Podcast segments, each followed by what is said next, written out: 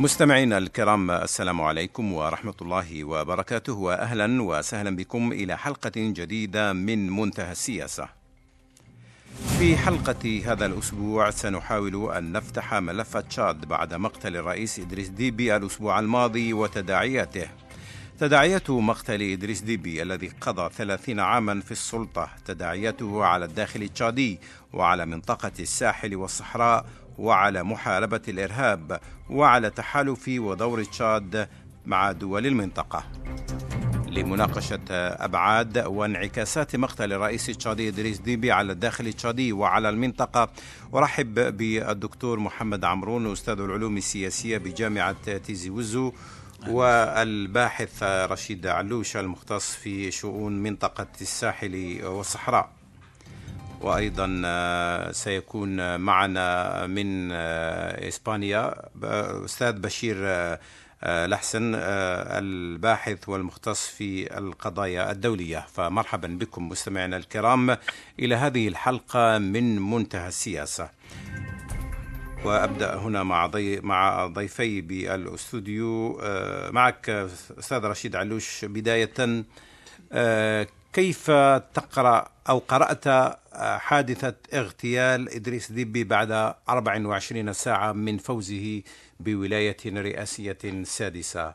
يعني كيف أي سياق قرأت هذا الحدث؟ بسم الله الرحمن الرحيم. شكرا جزيلا أستاذ مروان على الاستضافة الطيبة ويسعدني أن أشارك النقاش الأستاذ الدكتور محمد عمرون والضيف من إسبانيا. نعم. وأستاذ مروان يعني لو نعود لحيثيات المقتل الرئيس التشادي إدريس ديبي إيتنو ربما حتى قبل أن يتم إعلان ذلك.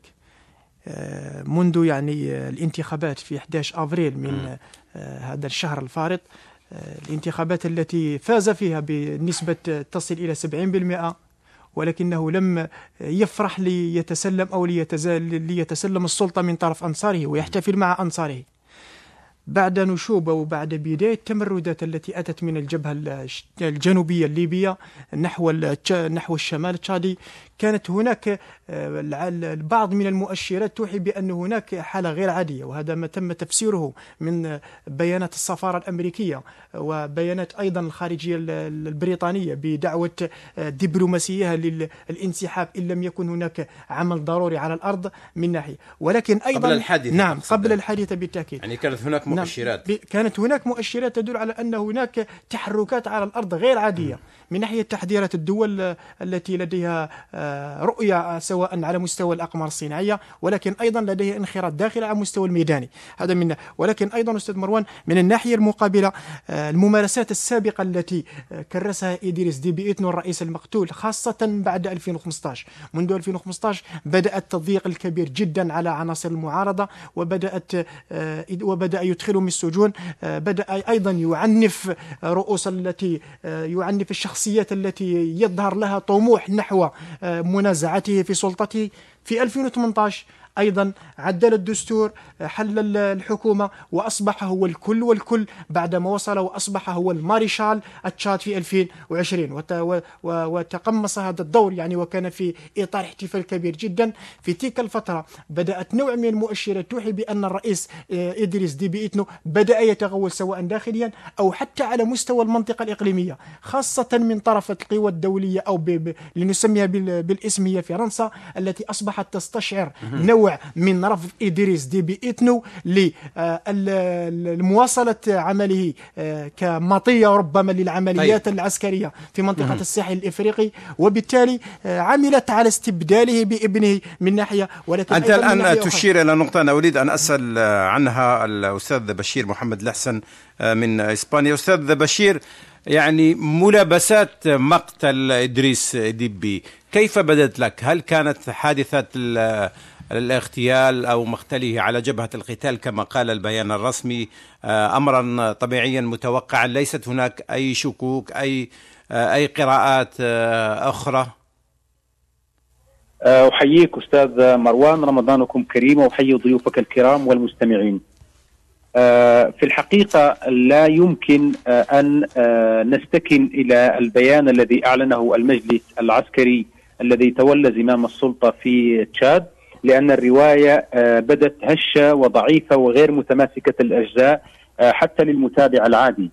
بداية أنه الرئيس التشادي إدريس ديبي من حيث المنطق أي رئيس دولة لا يعقل أن يذهب ويأخذ السلاح بنفسه ويدخل إلى عملية قتال أو اشتباك مباشر مع قوات معادية. هذه الزيارات الرئاسية تتم بشكل بروتوكولي بشكل إعلامي دعائي لها هدفان أساسيان في عالم الدعاية الإعلامية. الهدف الأول هو رفع معنويات الجنود سواء الموجودين في جبهات القتال أو الذين سيشاهدون تلك اللقطات على التلفزيونات الحكومية وهي ممارسة دعائية لم يكن إدريس ديبي هو الأول من يقوم بها بل سبقه لها الكثير من الزعماء بما في ذلك هتلر وغيرهم.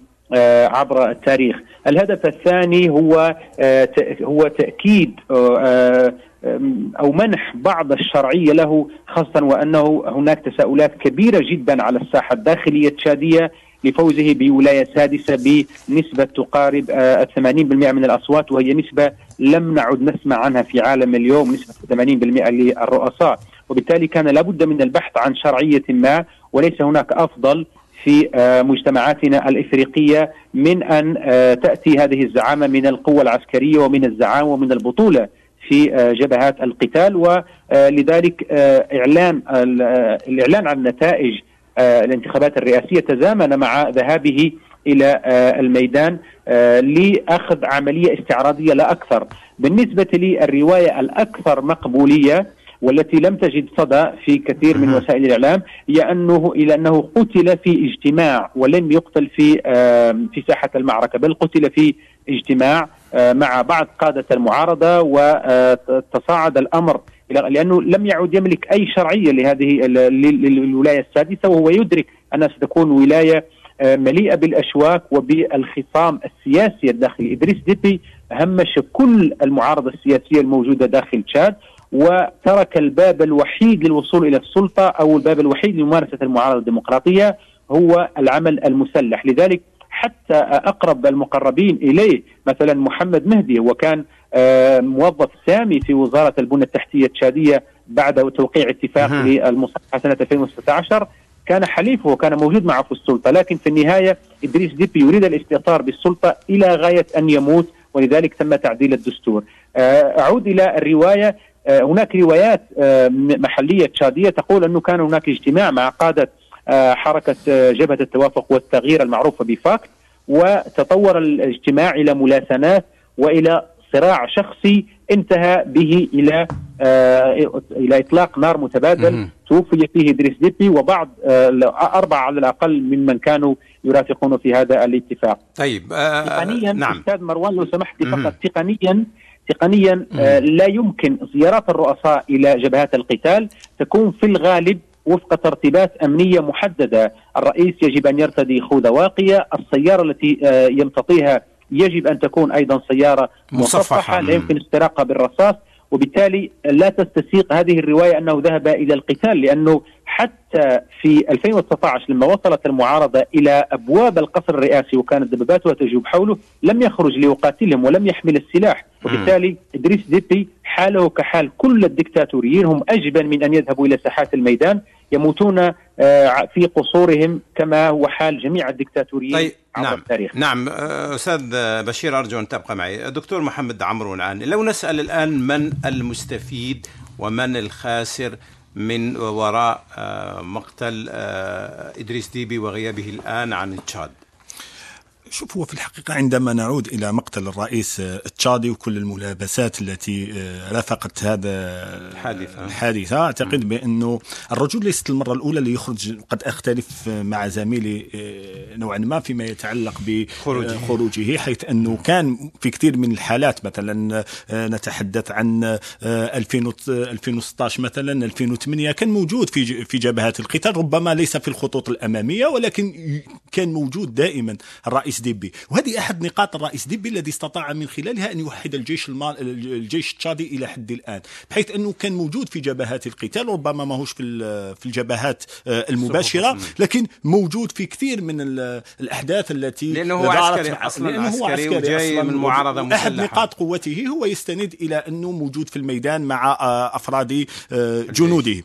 ولكن النقطة المهمة هو ما تعلق بفتحه لباب التفاوض. نعم هناك تقارير مهمة جدا صدرت بعد مقتله والبيان الذي صدر من الجيش التشادي لم يكن مقنعا بأنه الرئيس التشادي كان في اجتماع تفاوضي مع جبهة ال FACT وهي أحد الجبهات القوية المعارضة للنظام. التشادي من أجل التفاوض من أجل وقف إطلاق النار وإطلاق نوع من الإصلاحات خصوصا بعد آه، الانتخابات الرئاسية. وكانت آه، طبعا آه، هذه هي الرواية التي تبدو أنها الأقرب للواقع. الآن بالعودة إلى من هو المستفيد من مقتل إدريس ديبي يجب أن نعود إلى التقرير الذي صدر في جانفي 2021 وهو تقرير مهم لمجموعة International Crisis Group مجموعة الأزمات الدولية.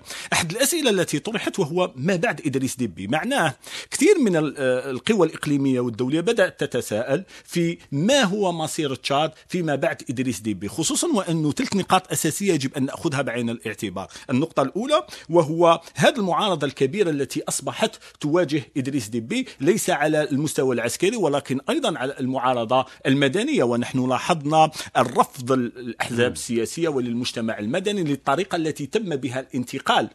بالسلطة من خلال إعطاء ابنه رئاسة المجلس العسكري. وبسرعة شديدة. وبسرعة شديدة. وهنا يذكرونا بما حدث مع جمهورية الطوغو في 2005 يعني نفس الانتقال. وكأنه آه، آه، إفريقيا الفرنسية إن صح التعبير لديها نفس التقاليد في الانتقال السياسي. نفس الشيء ما حدث في جمهورية الطوغو في 2005 عندما توفي الرئيس الطوغو مباشرة تم توريث ابنه اللي موجود إلى الآن يعني رئيس لجمهورية الطوغو نفس الشيء حدث مع آه، تشاد. ونحن من دون شك نؤكد بأنه آه، الرجل ممكن سيعمر طويلا أو على الأقل عنده نية التعمير آه، طويلا. النقطة الثانية وهي أنه هناك انشقاقات كبيرة داخل الجيش التشادي. عندما نتحدث عن مستقبل الجيش التشادي أيضا أن هناك رفض داخل الجيش التشادي لطريقة توزيع المناصب لتغلب وتغول إثنية واحدة على آه، الجيش التشاد نعم. النقطة الثالثة وهي المرتبطة بالجانب الإقليمي. التشاد بالرغم من أنها دولة فقيرة بالرغم من أنها دولة لم يكن لها تأثير كبير على المستوى الإقليمي والدولي لكن مع مرور الوقت خصوصا بدءا من 2014 استطاعت أن تأخذ اللاعب الرئيسي في مكافحة الإرهاب.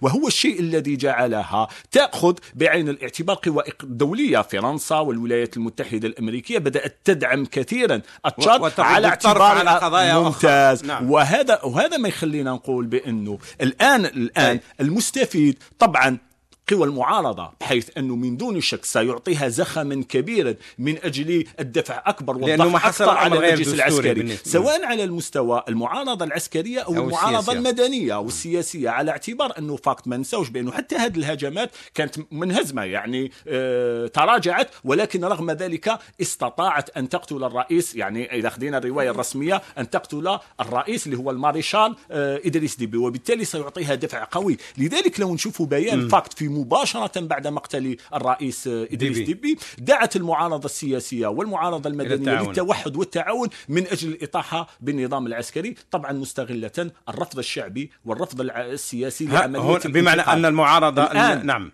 الآن على المستوى الدولي لا أعتقد بأن فرنسا ستكون بعيدة عن الأحداث خصوصا وأنه عندما نحلل الحادثة التشادية لا يجب أن طيب. نخليها في معزن عن الواقع الإقليمي. هذا مهم. انتخاب الرئيس النيجيري الجديد. مقتل رئيس الأزواد حركات الأزوادية في مالي ثم مقتل إدريس ديبي. هذا يوحي بأن منطقة الساحل مقبلة. على سيناريوهات جديدة غير اللي كانت قبل هناك أيضا شخصية مهمة أيضا قتلت في ليبيا قبل أيام. وبالتالي نحن نتحدث عن سي... عن نحن نتحدث عن سيناريوهات جديدة يحضر لها لمنطقة طيب سنتحدث عن السيناريوهات لكن مهم أن نبقى في موضوع المستفيدين والخاسرين من مقتل وغياب الآن. إدريس ديبي عن عن السلطة. جاء الدكتور محمد عمرون جاء على ذكر فرنسا. هل آه، فرنسا الآن مستفيدة من من هذا الوضع الجديد؟ يعني هي كانت مستفيدة في السابق وهل ستكون مستفيدة في الوضع الحالي؟ وإذا كانت مستفيدة هل لها يد يعني بشكل ما في في هذه التطورات الحاصلة في تشاد؟ أستاذ مروان نربط فقط يعني السؤال مع تفضل الله يزيد مع حيثية أو طبيعة الاغتيال كما قال أوافق تماما الاستاذ محمد عمرون حول رواية مقتل الرئيس إدريس ديبي. هو لم يذهب للقتال. صحيح أيضا كانت له سوابق أنه كان دائما مندفع نحو ساحات المعارك. وآخر مرة اندفع فيها في 2019 نحو بوكو نحو نيجيريا حينما قتل 100 جندي 100 جندي تشادي وذهب بنفسه إلى ساحة القتال. أما في الرواية التي حصل التي ذكرها الجيش وفي الرواية التي ربما آه، تملك مؤشرات على أنها الرواية الصائبة أنه ذهب للمفاوضات محمد مهدي علي. وبعد تراجع المقاتلين المعارضين المتمردين تشاديين تراجعهم للخلف حدث نوع من الاشتباك أو عدم التوافق. علما بأنه كان في منطقة آمنة يعني الرئيس كان في منطقة آمنة. وتم قصفه بقذيفة أصابت سيارته مباشرة. ومباشرة أعلنت جبهة فاكت بأنها أصابت موكب الرئيس وأن الرئيس في حالة ربما أد ربما هو مقتول. هذا في هذا حصل في 18 أبريل. وتم إعلان عنه في 20 في 20 أما من ناحية أنه آه، هل فرنسا مستفيدة أو هل لفرنسا يد في عملية مقتل الرئيس إدريس ديبي إتنو لو نعود إلى آه، منطقة تمركز جبهة فاكت في الجنوب الليبي هي مدعومة من خليفة حفتر لأنه آه، كان مكلف بحماية مناطق جغرافية في الجنوب الليبي خاصة المطار في الجنوب الليبي. وأيضا كان مكلف آه، بحماية منطقة الجفرة خط سيرة الجفرة أثناء الحرب الليبية الحرب الأهلية الليبية آه، في 4 4 2019 والدعم كان يأتي من روسيا خاصة وأيضا من فرنسا بالسلاح ولكن أيضا من طرف الإمارات العربية المتحدة. باعتبارهم داعم لحفتر وباعتبار أن جبهة فاكت كانت داعمة لحفتر فبالتالي بأن الحركة هي بدعم من طرف قوة تدعم حفتر وفرنسا تدعم حفتر إذا حركة التمرد هي بدعم فرنسي. بدعم فرنسي في حدود أستاذ مروان في حدود أنه تنحية فقط ادريس ديبي إتنو لإيصال الإبن آه، للسلطة. الذي يعتبر في نفس السن الذي وصل فيه إدريس ديبي إتنو إلى السلطة لأنه فرنسا داخليا وحتى خارجيا. بالنسبة للداخل الفرنسي آه، النخبة العسكرية أو السياسية الفرنسية لم تستطع أو لم تعد قادرة على تبرير آه، الانتهاكات التي تمارسها السلطات التشادية داخليا من ناحية قمع المعارضة. المعارضة أصبحت تلجأ حتى لسفارات الدول الأجنبية خاصة السفارة الأمريكية لأنه يتم مطاردتهم وقمعهم في الشوارع. لذلك فإن فرنسا عملت على تحية إدريس ديبي وكانت آه، النتيجة أو كانت يعني هل آه، يعني آه، كما قال الدكتور محمد عمرون يعني كانت كان المقابل غض الطرف على الخروقات في نعم. مجال حقوق الإنسان والحريات والديمقراطية في في تشاد إنه تشاد تقدم خدمات للولايات المتحدة وفرنسا, وفرنسا يعني وبالتالي منذ منذ التسعينيات. بالتالي المفروض انه أنه كانت في حالة رضا يعني القوى الكبرى كانت في حالة رضا عن إدريس ديبي. تم يعني ولا يثير تم استهلاكه مروان. تم استهلاكه يعني ورقتي. يعني آه، حتى آه، استهلاكه تماما يعني متفقين لكن آه، عملية استخلافه تمت بطريقة أيضا غير دستورية. يعني آثارت غضب المعارضة المسلحة والمعارضة السياسية يعني ما حدث هو أمر غير دستوري. كان من المفترض أن يتم أن يترأس رئيس البرلمان. آه. رئيس البرلمان. هناك خرق دستوري. كما يجري دائما أستاذ مروان يعني حتى في 2018 هو حل الحكومة. م. أصبحت السلطات التنفيذية في يده والبرلمان هو. لماذا لم يتم منح آه، السلطات إلى رئيس البرلمان الذي تم حله مباشرة من طرف المجلس العسكري؟ لأن رئيس البرلمان هو من عرقية عربية من قبيلة القرعان التي ينتمي لها محمد مهدي علي. م. لذلك فإن قبيلة الزاوة بعد خاصة النشوب آه، أو بروز مؤشرات على أنه هناك انقسام داخل القبيلة خاصة من الناحية العسكرية. الآن في تشاد يتم الحديث على أنه الآن هناك أسرة حاكمة وليست قبيلة حاكمة. حتى القبيلة التي كانت في وقت من الأوقات نعم. في, في وقت من الأوقات هي المستفيدة من الريع سواء على مستوى الوظائف السياسية والعسكرية وأيضا في توزيع الموارد المالية التي تأتي من بيع موارد النفط. أصبحت غير مستفيدة القبيلة بأكملها. لذلك شهدنا في 2019 2019 التمرد الذي حصل وصل إلى آه، قصر نجامينا كان من طيب. ابن عم الرئيس الحالي ابن يعني هناك خلافات, خلافات داخل, داخل القبيلة, القبيلة. من هذا أستاذ مروان فقط ولكن للإجابة أيضا من ناحية الاستفادة حول السؤال من هو المستفيد وفرنسا هل هي مستفيدة سواء داخليا أو خارجيا خارجيا فرنسا بعد تزايد موجات ربما الانتقادات الداخلية حول ماهيه أو طبيعة التواجد العسكري في منطقة الساحل الافريقي وأنه طيب. لم يأتي بجديد. سنتحدث عن نعم. تداعيات على المنطقة لكن نبقى قليلا داخل تشاد. أنا أريد أن أسأل الأستاذ بشير في هذه النقطة. هل هذا تغيير الحاصل الآن في تشاد مهما كان شكله؟ يعني هل تم بطريقة تحترم الدستور أو تم بطريقة آه، تتناقض مع ما ينص عليه الدستور في تشاد؟ هل تعتقد ان أن تشاد سينتقل إلى مرحلة جديدة تختلف عن مرحلة إدريس ديبي. بمعنى سيحدث هناك آه، إصلاحات سياسية سيتم التعامل مع المعارضة السياسية والتفاوض مع المعارضة المسلحة، هل تعتقد أن الرئيس الجديد وهو ابن الرئيس المغتال سيحدث آه، تغييرات لافتة في تشاد؟ اولا الجزء الأول من السؤال بخصوص احترام التغيير للدستور. تم انتهاك الدستور بشكل واضح وسافر أمام آه، أعين المنتظم الدولي وفرنسا بشكل خاص والمادة 81 من الدستور التشادي آه، تقول أنه آه، في حالة شغور منصب رئيس الجمهورية يجب أن يتولى رئيس البرلمان فترة انتقالية مدتها ثلاثة أشهر تنتهي بتنظيم انتخابات رئاسية جديدة في البلاد.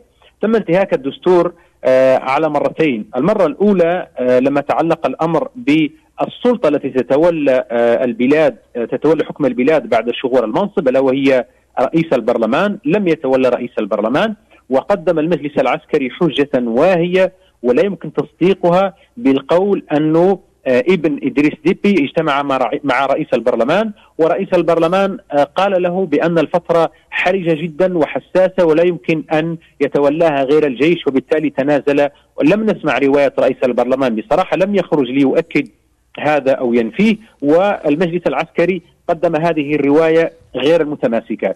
النقطة الثانية في فترة آه، فترة الفترة الانتقالية مدتها ثلاثة أشهر حسب الدستور التشادي الذي أعده إدريس ديبي نفسه.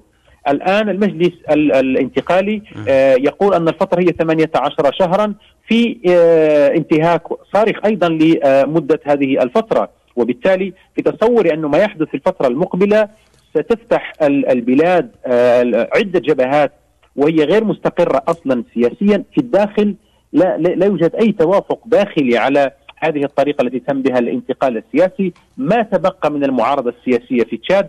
ترفض توريث الحكم جملة وتفصيلا وناهيك عن المعارضة العسكرية أصلا الحركات المتمردة التي وجدت الآن شرعية لخطابها وتسويقه داخليا. لم يعني لن يتطلب الأمر للمعارضة المسلحة الحركات المتمردة هذه لن تبذل جهدا كثيرا لتبرير سبب هجومها على نجمنا وسبب مواصلتها الهجوم لأنه أصلا الأرضية أمامها خصبة لأنه حدث توريث للحكم الذي يرفضه حتى بعض المقربين من النظام آه، السابق. الآن آه، فرنسا كما أشار بعض آه، الضيوف فرنسا هي اللاعب الرئيسي في المنطقة، لكن في النهاية فرنسا قد تخطط لشيء وقد تأمل أن يحصل شيء ولكن قد يحدث العكس. لا يجب أن نتصور انه فرنسا متحكمة بمقاليد الأمور بدقة متناهية في منطقة الساحل لأنها منطقة متحركة جدا ولا يمكن الجزم بأن هناك طرف أو أطراف هي من تحرك خيوط اللعبة.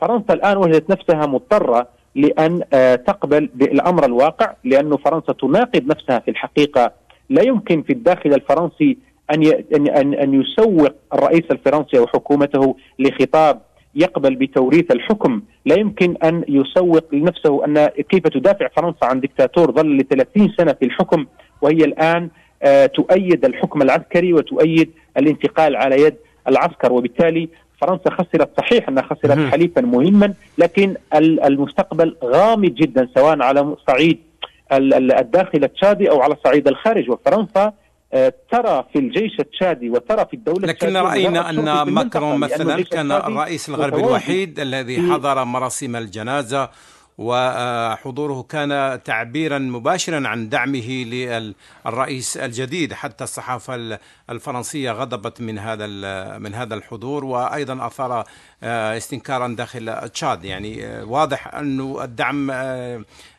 شبه مطلق بالنسبة لماكرون صحيح هذه رسالة سيئة جدا ورسالة خاطئة في اعتقادي بعث بها ماكرون إلى آه إلى الداخل التشادي أو وين المعارضة التشادية التي تتطلع للحرية وتتطلع للديمقراطية ولبناء حكم مدني ديمقراطي آه فيه انتخابات حرة ورسالة أيضا خاطئة لكن في النهاية فرنسا ترى في النظام آه التشادي وترى في إدريس ديبي وترى في من سيخلفه مجرد شرطي في المنطقة لأنه الجيش التشادي صحيح أنه هو أقوى جيوش آه، دول التحالف الخمسة في الساحل لكنه في النهاية هو يؤدي المهام التي تريدها فرنسا. آه، معظم القوات المتواجدة في مالي في إطار بعثة مينومسا هي قوات تشادية. وأينما كان هناك خطر تطلب فرنسا من تقريبا موجود في خمس دول إفريقية الجيش التشادي. نعم هو واقوى دول التحالف الخمسة صحيح. موريتانيا النيجر بوركينا فاسو وتشاد التي تشكل التحالف التحالف الخمسة جي 5 المعروف الجيش التشادي هو أقوى هذه الجيوش وتعتمد عليه فرنسا بشكل مباشر لكن في تصوري أن هذا طيب. هذا الاعتماد سينتهي قريبا لأن الجيش التشادي آه، سيجد نفسه مضطرا للدفاع عن العاصمة جامينا وسيخوض حربا داخلية ويترك, ويترك بالتالي فراغات آه، في المنطقة. المعارضة. ويترك فراغات في المنطقة. شكرا. أستأنف معك الأستاذ محمد عمرون. يعني الآن لو نتحدث عن دور تشاد. يعني لا شك أن الاهتمام الدولي بما حدث في تشاد وهذه التحولات والتطورات الأخيرة تنبع من دور تشاد كما كنا نتحدث قبل قليل عن دور تشاد في منطقة الساحل والصحراء هذه المنطقة الهشة الواسعة الشاسعة التي تعرف نشاطا للجماعات الإرهابية منذ سنوات وتدخلا دوليا والكثير من المبادرات. ما هو أثر وتأثير ما حصل في تشاد على المنطقة ككل يعني وعلى جهود ما يسمى بمكافحة الجماعات الإرهابية؟ بالفعل ممتاز. أنا أعتقد بأنه مقتل ديبي والأوضاع الحالية على مستوى تشاد تؤكد بأنه مستقبل تشاد ومستقبل المنطقة فيه غموض. هناك غموض واضح. مستقبل المنطقة يستدعي طبعا كافة الجهود أنها تتضافر من أجل مكافحة آه، الإرهاب. لازم نذكره بأنه تشاد رغم ذلك مقارنة بدول الجوار كانت تتمتع باستقرار نسبي مقارنة بدول أخرى. لعبت دور رئيسي كما ذكر الزملاء واتفق معهم في مكافحة الإرهاب هي الفاعل الرئيسي بال G 5 آه، ساحل. طبعا آه، موجودة في النيجر في الكاميرون في كثير من الدول تاع الساحل. أينما طلب الدعم تجد الجنود التشاديين يقوم إدريس ديبي ببعث جنود تشاديين إلى هذه هذه آه، الدول. موجودة في المينوسما ما لا يقل عن 1400 جندي تشادي موجود وبالتالي هي اليوم لعبت دور الحامي بالنسبة لبعض الدول في منطقة الساحل وهذا مهم جدا. وفي نفس الوقت لعبت أدوار وظيفية لفرنسا والولايات المتحدة الأمريكية في مكافحة الإرهاب حيث أنها قللت تكلفة التواجد الفرنسي في المنطقة وهذا مهم جدا بحيث استندت عليها فرنسا من أجل مكافحة الإرهاب. طبعا مقابل دعم سياسي قوي واضح جدا وجود ماكرون ووجود ماكرون في آه، تأبينية وفي جنازة الرئيس يؤكد على أنه شرعا الانتقال السياسي الحاصل ما هوش سياسي للأسف الشديد ولكن هذا الانتقال الأعرج لابنه في الحكم. ينضاف إلى ذلك أنه تشاد اليوم أمام تحدي كبير سواء عندها نقطتين أساسيتين أحلاهما مر إن فعالتهما الأول إما تنكفئ على نفسها وبالتالي تعمل على خلق ديناميكية داخلية من أجل الإصلاح وهذا مستبعد. ثم بعد ذلك تعمل على محاصرة الخطر الموجود من الجماعات المسلحة خصوصا وهنا نذكره مهم جدا أن الاتفاق الليبي الذي حصل بين الأطراف الليبيين أحد بنوده يركز على ضرورة خروج المرتزقة وخروج كل الجماعات الموجودة الغير ليبية الموجودة في ليبيا وبالتالي هناك دعوة غير مباشرة إلى جماعات فاكت طبعا جماعة تغيير المعارضة من أجل الخروج من ليبيا, من ليبيا. وهذا أيضا وبالتالي الاتجاه من دون شك إلى تشاد ومن دون شك ستتعاظم الأزمة إن لم خصوصا وأنه القيادة الحالية رفضت عرض وقف إطلاق النار التي قدمته الفاكت وهنا نتساءلوا. سؤال قد يكون من باحث من خلال ما حدث. إدريس ديبي وفق الرواية الغير رسمية ذهب من أجل التفاوض مع الفاكت هل كانت هناك أطراف إقليمية ودولية وداخلية من تشاد كانت رافضة لأي تقارب ما بين السلطة إدريس ديبي وما بين جماعة الفاكت من أجل وقف إطلاق النار. وبالتالي تم تصفيته للبقاء في مسار رفض أي تفاوض مع هذه الجماعات. النقطة الثالثة إذا قامت تشاد بال نوع من الانعزال الداخلي ورفضت الانخراط في مكافحة الإرهاب على المستوى الإقليمي هنا ستخسر الدعم الدولي سواء الفرنسي أو الأمريكي. والنقطة الثانية الثانية من دون شك ستتعاظم دور الجماعات مثل بوكو حرام وغيرها من الجماعات الإرهابية اللي ممكن أنها تستفيد من هذا الانكفاء التشادي وبالتالي نحن أمام واقع مضطرب. واقع غامض. لا نعرف المسارات السياسية داخل تشاد ولكن أيضا من لا نعرف كيف ستؤول الأمور على المستوى الإقليمي. خصوصا قلت في البداية أنه التحركات الحاصلة أو خليني نقول الأحداث الحاصلة في منطقة الساحل مؤخرا لا يمكن أن تكون بريئة. يعني إذا ما ربطنا كل ما حدث في مالي وما حدث في النيجر وما حدث آه، في آه، تشاد يؤكد بأن هناك طبخة أو سيناريو جديد يقدم من قوى إقليمية أو دولية من أجل إعادة ترتيب الأوراق وما نساوش أيضا بأن هناك قوى جديدة دخلت سواء إسرائيل سواء أطراف روسيا بعيدة عن المنطقة روسيا وغيرها بدأت تدخل طيب. إلى منطقة مم. الساحل وبالتالي أعتقد بأنه القادم هو الأصعب لأنه الرئيس ديبي بالرغم من ديكتاتوريته بالرغم من كل ما مارسه من إجحاف في حق المعارضة السياسية أو أنه كما قلت لعب دورا وظيفيا طيب. للقوى الإقليمية لكن حافظ على استقرار نسبي لتشاد وهذا خدمه ثم بعد ذلك وظف ما نقدر نسميه بالدبلوماسية العسكرية عندما استغل جيشه من أجل الانخراط في مكافحة الإرهاب طيب. مقابل طبعا مصالح هذا هذا ما دام نتحدث عن الجيش التشادي آه، آه، أستاذ رشيد علوش. هل تعتقد أن آه، أن الهشاشة الآن التي توجد عليها تشاد قد قد تدفع الرئيس الجديد والسلطات الجديدة في في تشاد إلى سحب الجيش من بعض المناطق الموجود فيها في في الساحل حيث آه، تتم محاربه الجماعات الإرهابية بما يترك فراغا سيؤثر على الأمن والاستقرار في المنطقة. هل هذا الاحتمال وارد وهذا السيناريو؟ هو كان حديث يعني من صحيفة واشنطن بوست قبل يومين عندما تحدثت على أنه آه، سلطات المجلس العسكري الحاكمة في تشاد لديها آه، عزم على سحب الجنود المتمركزين خاصة في المثلث الحدودي بين النيجر تشاد النيجر مالي بوركينا فاسو الذين تم إرسالهم في فبراير الفارط المقدرين ب 1200 جندي تشادي.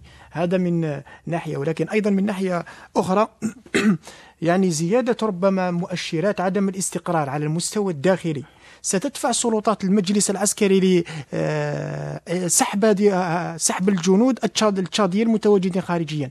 ولكن هذا الخدمة التي يقدمها الجنود التشاديون للاستراتيجية الفرنسية في منطقة الساحل الإفريقي هل ستستمر خاصة بعد ذهاب الرئيس تشادي إدريس ديبي إتنو؟ علما بأن محمد إدريس ديبي إتنو محمد إدريس ديبي نجل الرئيس المقتول يعتبر من مهندسي الاستراتيجية التشادية في العمليات العسكرية أو الحربية في منطقة الساحل الإفريقي باعتباره كان نائبا في 2013 للقوات العسكرية.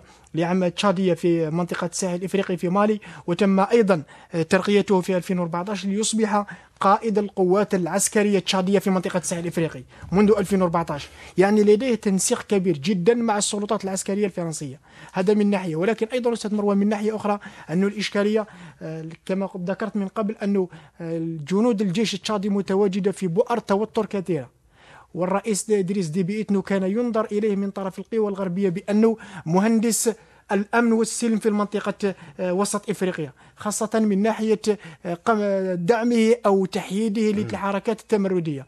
من من الغرب نجد حركة بوكو حرام والتي هي منشقة. بوكو حرام التي انشقت في 2015 جماعة تتبع تنظيم الدولة الإرهابية في في إفريقيا وأخرى بقيت كبوكو حرام وتهاجم دائما قوات الجيش النيجيرية والتشادية. والرئيس إدريس ديبي إتنو كان دائما يتذرع ويقول بأنه أصبحنا غير قادرين على مجابهة التهديدات الإرهابية لأنه الجيش النيجيري غير مدرب وغير مؤهل حقيقة حقيقة لمواجهة هذه التهديدات. أيضا لديه أزمة من ناحية الجنوب فيما يتعلق بالحدود مع إفريقيا الوسطى. وللمصادفة في فيفري الفارط كانت هناك حركة تمردية قامت بها قوات السيليكا المدعومة فرنسيا. وتم صد الحركة من طرف آه، بدعم من بدعم من رواندا وبدعم من قوات فاغنر الروسية المنتشرة في منطقة إفريقيا الوسطى. ولكن أيضا هناك آه، مؤشر على أنه آه، إن تم سحب القليل من الجنود خاصة على مستوى الحدود السودانية التشادية. لأنه كما هو معلوم في 2010 تم توقيع اتفاقية بين السودان وتشاد على إنشاء آه، عناصر أو إنشاء جيش مشترك وإنشاء قوة أمنية آه، منتشرة الآن 3000 جندي منتشر على الحدود التشادية آه، بالإضافة إلى 350 شرطي إن تم سحبهم ستعود الإشكالية الأمنية إلى دارفور يعني في شمال السودان. فراغات كبيرة وهذا ما يدعو ربما إلى زيادة تغذية بؤر توتر طيب. أكثر وأكثر. ولكن أستاذ نعم. الإشكالية الكبيرة هي في منطقة الساحل الإفريقي لأنه شهدنا منذ يومين فقط. آه، موريتانيا والنيجر أعلنت أنها قامت بوساطة وقامت بالاتصال بمحمد مهدي الزعيم المتمردين بطلب من نعم فرنسا بطلب لا, لا, لا ليس بطلب من فرنسا وإنما بمبادرة من الرئيس النيجيري محمد بازوم. في محاولة منه لحل الإشكاليات أنه أنه فرنسا طلبت آه، يعني التقريب أن يقوم ولماذا رفض المجلس العسكري؟ لماذا رفض؟ المجلس العسكري رفض الوساطة وقال بأنها وساطة غير قانونية ونحن لن نتفاوض مع خارجين عن القانون والوساطة طيب. تتم بهذا الشكل قبل أن نتحدث عن الشخصية الشخصية الداخلية أنت أشرت إلى نقطة مهمة أريد أن أسأل على الأستاذ آه، بشير محمد الحسن عن آه، هذا الدور يعني هذا الدور الكبير الذي هذه الأدوار التي يقوم بها الجيش تشادي في المنطقة وعلى الحدود أكيد ستكون ورقة تستخدمها السلطات آه، في آه، يعني في حواراتها أو اتصالاتها مع القوى الدولية مع فرنسا والولايات المتحدة وبالتالي آه، ليس من السهل أن تنسحب القوات التشادية من كل هذه المناطق وتترك فراغات يتمدد فيها الإرهاب. آه، في تصوري أنه العامل الخارجي في الأزمة آه، التشادية آه، ليست له ذات الأولوية التي يلعبها العامل الداخلي.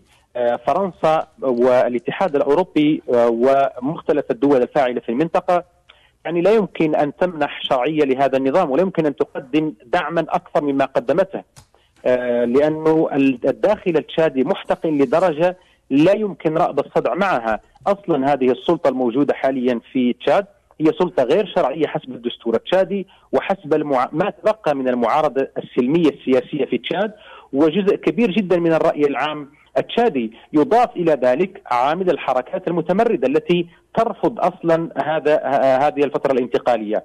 هناك عامل مهم أشار إليه آه، الزملاء في بداية الحصة يتعلق بالتركيبة الاثنيه لتشاد آه، من المعروف أنه إدريس ديبي خلال فترة تواجده في الحكم مدة 30 سنة لم يقوي شخصيته فقط و آه، شخصه يعني كرجل آه، قوي في تشاد عسكريا على الأقل وداخليا لكنه قوى أيضا تواجده على الجانب الاثني من المعروف أنه دولة تشاد تعتمد على محاصصة اثنيه عرقية في للوصول إلى السلطة. وقبيلة الزغاوة التي ينحدر منها إدريس ديبي ليست لها زعامة الآن.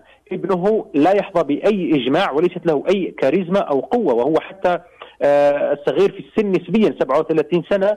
والمعروف أنه المجتمعات العرقية آه، يكون آه، يكون عامل السن مهم جدا وليس فقط السلطة أو الثروة أو الجاه، عامل السن مهم جدا، قبيلة الزغاوه حاليا لا تمتلك أي زعامة يمكن اللجوء إليها، وحتى أنه إدريس ديبي كما ذكر الضيوف أيضا عمل على تهميش أي منافس قد ينافسه اجتماعيا على على قيادة قبيلة لكنه قام بإعداد ابنه للخلافة. نعم لخلافته اختصر القبيلة في إثنيته المقربة في عائلة إثنو وليس فقط في آه، في في قبيلة الزغاوة.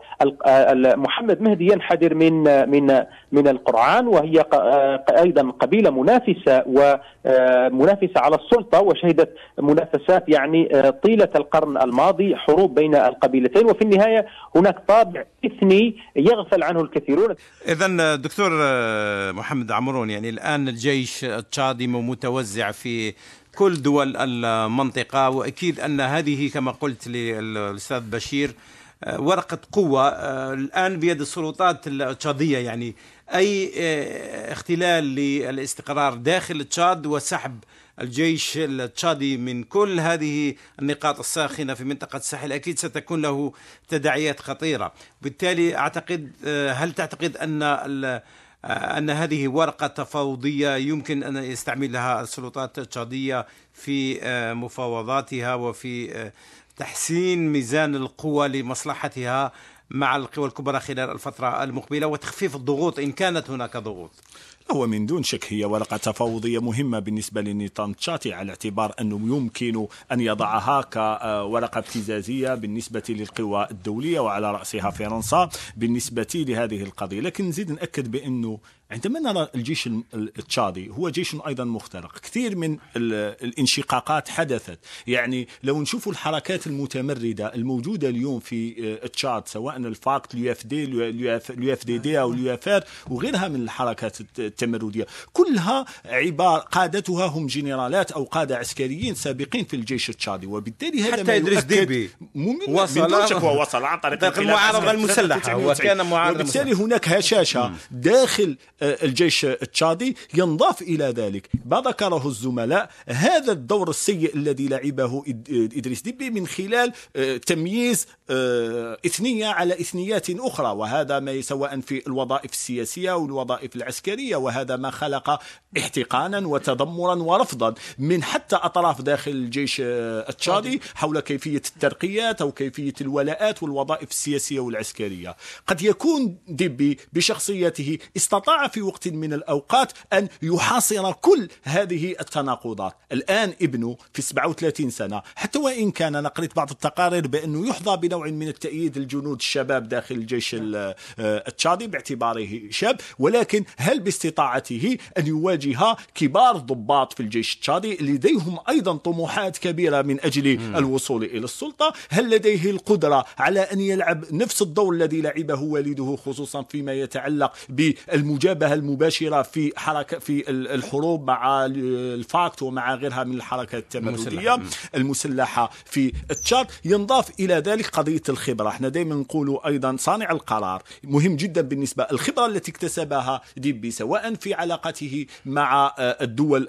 الغربية سواء في تعامله مع الداخل. أعتقد بأنه يفتقر فيها آه، ابنه والشاب في 37 سنة. ينضاف إلى ذلك كما قلنا وهذا مهم جدا. هناك رفض مطلق تقريبا شبه إجماع لعملية الانتقال. واللي نزيد نأكد وأنا آه، أصريت على ذكرها في البداية هو انتقال فرنسي بامتياز. في كل المناطق اللي تشوف فيها انتقال ديمقراطي خاطئ توجد توجد آه، ريحة فرنسا فيها. وبالتالي نعطيك مثال بين آه، مقارنه في تنزانيا مثلا البعيدة عن فرنسا عندما مات الرئيس التنزاني مباشرة تم الاعتماد على الدستور ونائبة الرئيس التنزاني هي يعني التي الحل الدستوري الحل الدستوري. اليوم عندما نشوف ما حدث في الطوغو وما حدث في تشاد يؤكد أنه العامل الخارجي حتى وإن كان وإن كان ماهوش هو العامل الوحيد لكن أنا في اعتقادي يبقى عامل مهم جدا طيب. في منطقة آه، الساحل آه، والصحراء للأسف الشديد وهو يغذي سواء النزاعات الإثنية يغذي حركات التمرد لأنه فرنسا نفسها اللي أيدت إدريس ديبي هي نفسها اللي تأيد الفاكت هي نفسها اللي تأيد حركات التمرد. يعني تلعب على التناقضات الموجودة في المنطقة. ممتاز. وبالتالي أعتقد بأنه طيب.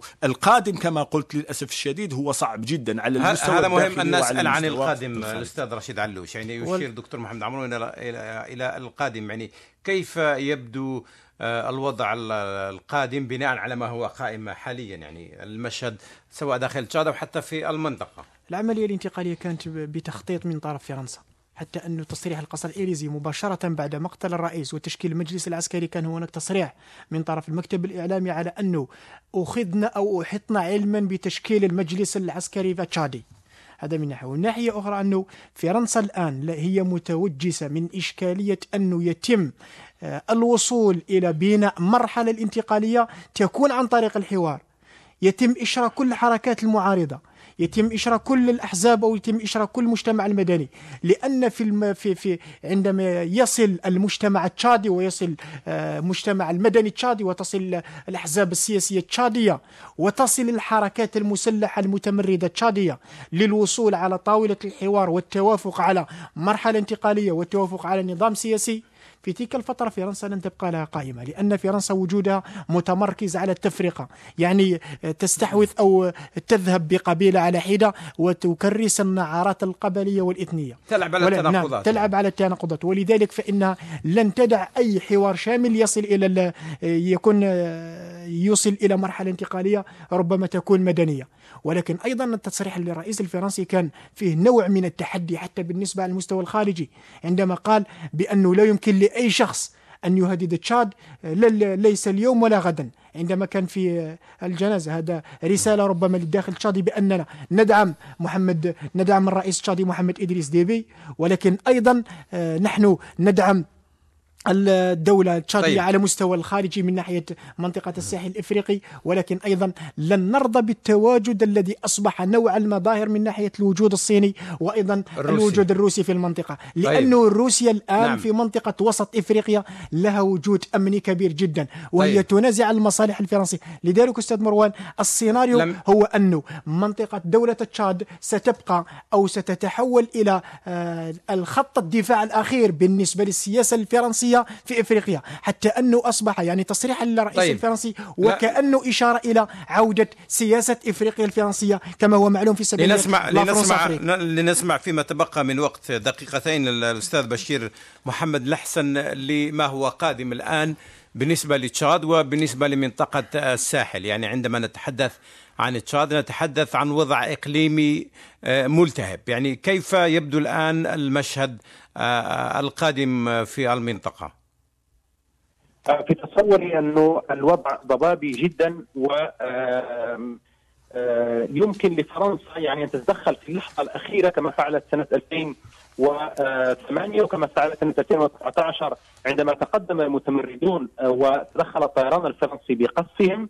هذا يمكن أن تقوم به فرنسا عسكريا يمكن أن تقف إلى جانب النظام التشادي لكن التوافق الداخلي والصدع الذي تركه آه، استيلاء العسكر على السلطة بهذه الطريقة لا يمكن لا فرنسا ولا أي دولة أخرى أن آه، أن تساهم في آه، محاولة التقريب بين وجهات النظر، حاليا هناك حتى اختلاف بين وجهات نظر العسكر الحاكمين بزمام الأمور في تشاد وبين فرنسا، فإذا كانت فرنسا تدفع باتجاه الحوار فإن العسكر رفض آه، أي حوار مع الحركات المتمردة الذين وصفهم الخارجين عن القانون. وبالتالي نحن أمام محاولة فرض أمر واقع من قبل العسكر ومحاولة لفرض أمر واقع بالقوة وبدون آه، العودة إلى التوافقات الداخلية حتى التي رسمها إدريس ديبي نفسه الاجتماعية العرقية السياسية إلى غير ذلك. الواقع الشادي في اعتقادي أنه ينذر بمستقبل غامض ومستقبل ستكون هناك أزمة أخرى قد حتى تكون أسوأ من الأزمة المالية المعروفة آه، والمزمنة والتي تورطت فيها فرنسا ولم تستطع الخروج منها إلى الآن. فرنسا دعمها محدود جدا الذي يمكن تقدمه للنظام الجديد التشادي في اعتقادي أن العامل الحاسم سيكون الساحة الداخلية التشادية التي قد تجد في مسوغات المعارضة المسلحة آه، حجة مقبولة ومنطقية والوقوف إلى جانبها. طيب الأستاذ بشير محمد آه، الأحسن المختص في القضايا الدولية. آه، شكرا جزيلا لك على هذه المشاركة. كنت معنا من إسبانيا. شكرا لك على هذه المشاركة ونلقاك في حلقات قادمة. كما أشكر نعم شكرا. أهلا وسهلا. وأشكر أيضا الأستاذ الدكتور محمد عمرون أستاذ العلاقات أستاذ العلوم السياسية والعلاقات الدولية بجامعة تيزي وزو. وأيضا أشكر الأستاذ رشيد علوش الباحث في القضايا الدولية. شكرا لكم أنتم أيضا مستمعين على طيب الإصغاء والمتابعة وإلى حلقة قادمة إن شاء الله.